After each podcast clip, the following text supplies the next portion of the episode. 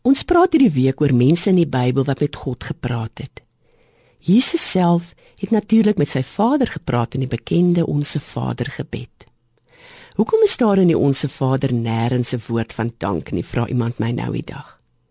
Is 'n gebed nie juis daarom dankie vir God te sê nie? Die Onse Vader dink ek is op die hede gerig. Gee ons vandag ons daaglikse brood.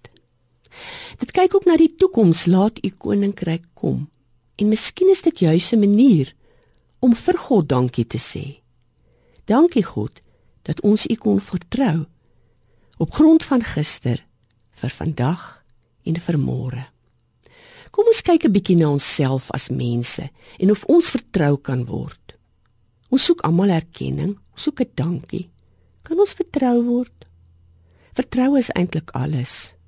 As jy in 'n verhouding is, kry jy dit beswaarlik herstel as jy ontrou is. As jy op 'n skelmstreek by die werk uitgevang word, kry jy dikwels nie weer 'n kans nie. Ja, vertroue is alles.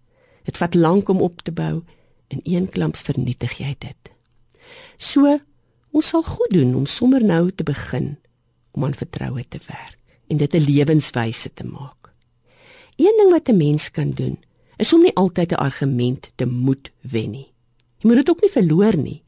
Jy moet maar net 'n ander mens se waarheid ook respekteer sonder om joune stil te maak.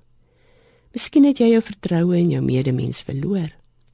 Dan sou dit dalk belangrik wees om nie self onbetroubaar te word nie. Om die daaglikse brood vir ander te bly. Om die koninkryk van God te laat kom elke dag. En so kan ons nou bid, Here. Dankie dat ons op die toekoms kan vertrou. Ons het dit van U geleer, want U het vir ons geleer wat vertroue is. Help ons om betroubaar te bly. Dankie Here. Amen.